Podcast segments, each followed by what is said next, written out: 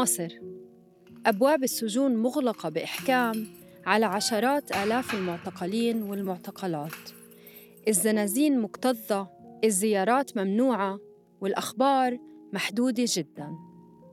أما نضال أهالي المعتقلين فمستمر ولكنه مصحوب بقلق يومي كبير.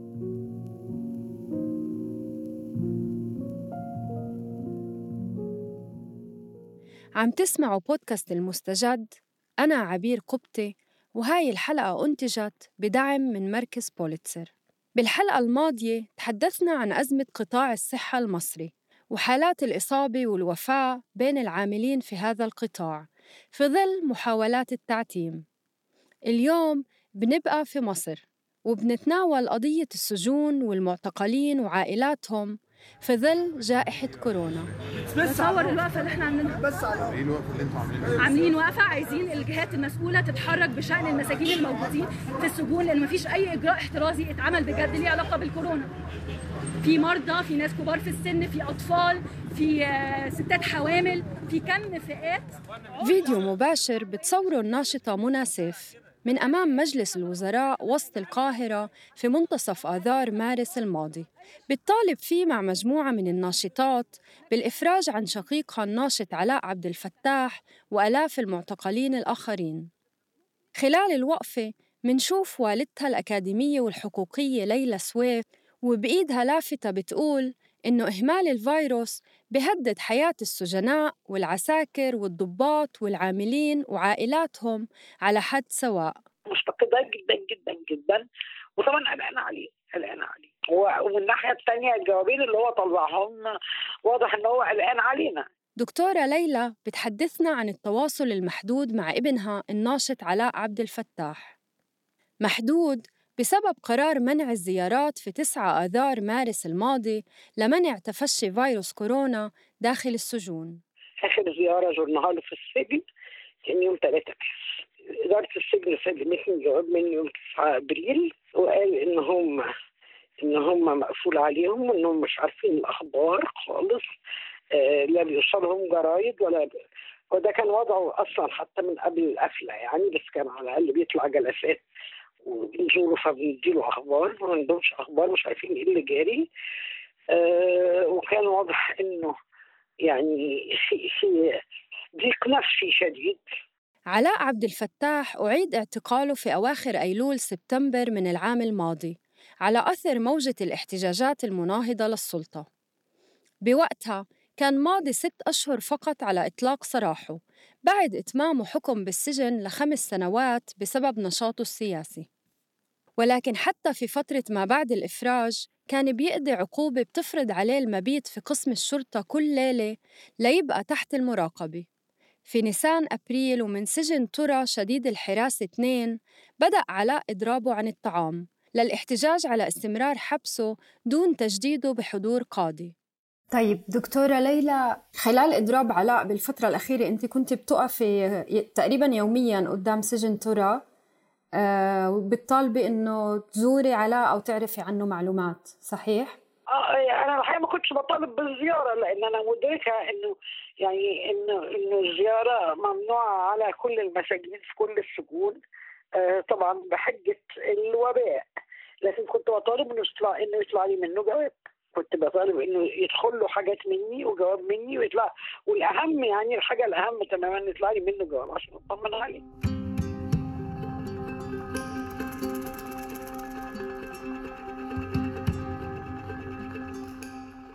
أسرة علاء وأسر آلاف المعتقلين والمعتقلات ما عندهم ثقة بجدية السلطات في تعاملها مع السجون في سياق تفشي كورونا. فهو مزيج من الجهل ومزيج من التعالي ومزيج من عدم إدراك ال- ال- ال- اللحظة ومزيج من غياب تعليمات واضحة من الدولة تعليمات حقيقية واضحة تفصيلية بتقول لهم يتصرفوا إزاي. شقيقة علاء الناشطة الحقوقية منى سيف بتوضح الصعوبات اللي واجهت الأهالي واللي بيّنت تجاهل السلطات لأولويات الوقاية الصحية. كنا بنروح نودي في الطبلية بتاعتنا آه، ديتول ومعقمات وكحول إيد و sanitizer وحاجات كده بحيث إن إحنا نحاول نوفر لهم جوه الحاجات اللي تقدر تساعدهم على انهم يحموا نفسهم.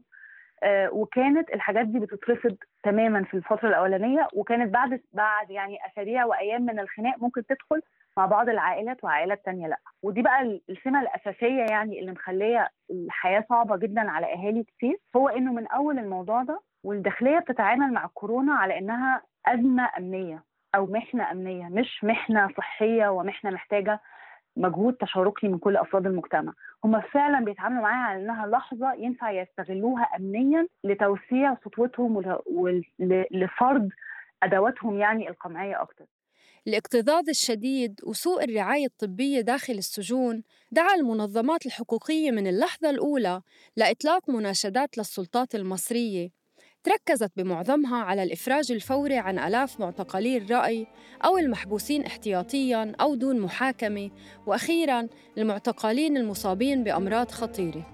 من هذا المنطلق وحرصاً على سلامة وصحة نزلاء السجون على مستوى الجمهورية. قامت الوزارة بعمليات تعقيم وتطهير لكافة منشآت السجون.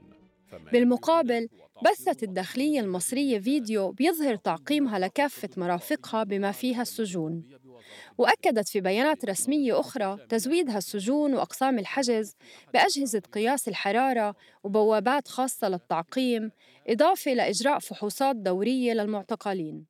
حتى لو افترضنا أن الداخلية بتعمل كل الإجراءات السجون بطبيعتها وبطريقة وجود الناس فيها فرص العدوى فيها عالية جدا وفرص إن هم يبقى فيه اختلاط مهما حاولوا يعني مش هيقدروا يعملوا كل الإجراءات بتاعة التباعد والوقاية المطلوبة. إن هم منعوا الزيارات لكن ما هماش ما عملوش حظر كامل لكل اللي شغالين في السجن يعني اللي شغالين في السجن سواء موظفين أو داخلية أو ضباط أو عمال كل اللي شغالين في السجن بيروحوا كل يوم يركبوا مواصلات وعربياتهم ويختلطوا مع أسرهم ويرجعوا تاني يتعاملوا مع المساجين.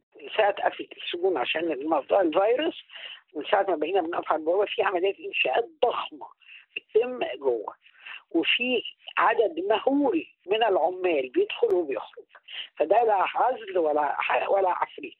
الضباط والعاملين اللي على البوابة بيتعاملوا مع أهالي رايحين زيارات بست أو سبع سجون.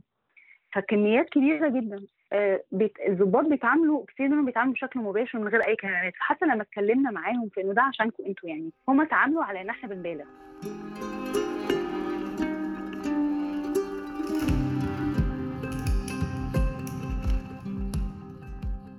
لما يتعلق الأمر بالسجون المصرية التعتيم بيكون سيد الموقف أعداد المعتقلين مثلاً غير واضحة وبتعتمد على التقديرات فقط هل هناك إصابات بفيروس كورونا في السجون؟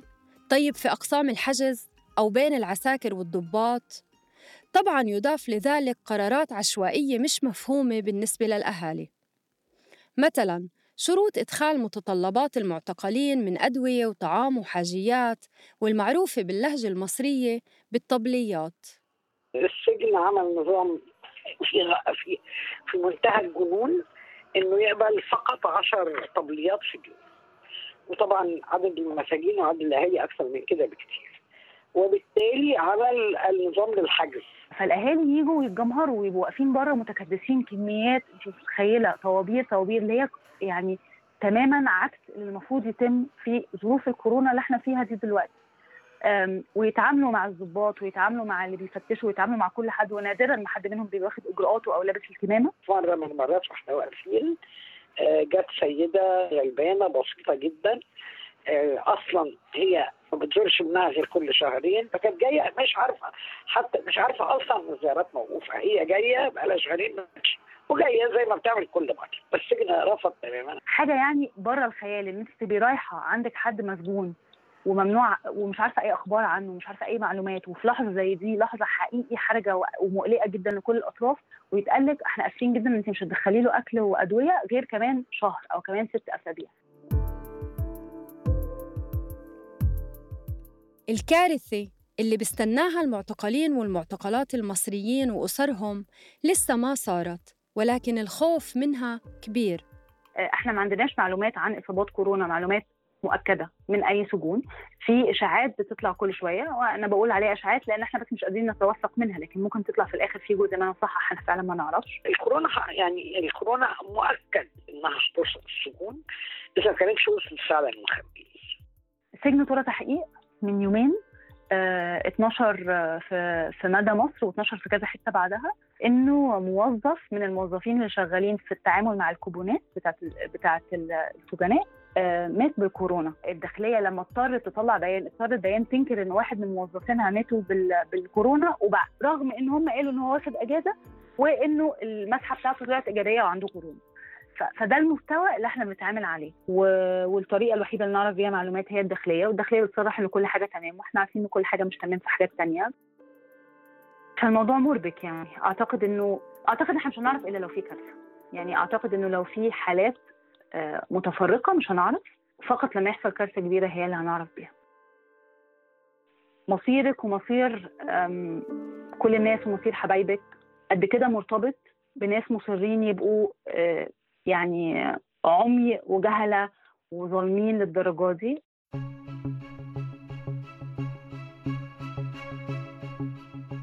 في وباء خرجوا السجناء أنقذوا حياة المعتقلين خرجوا المعتقلين.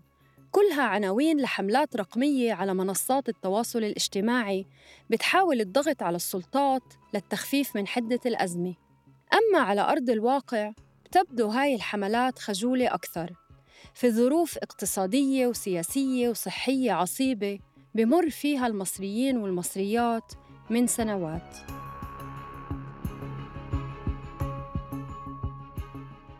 بودكاست المستجد من إنتاج صوت. كنا معكم في الإعداد والتقديم عبير قبطي. ساهمت في البحث روان نخلي. في الكتابة محمود الخواجة. وفي المونتاج تيسير قباني. اتذكروا تشتركوا في قناة بودكاست المستجد على أي منصة بودكاست بتفضلوها. لتوصلكم تنبيهات بالحلقات الجديدة. كونوا بخير وعافية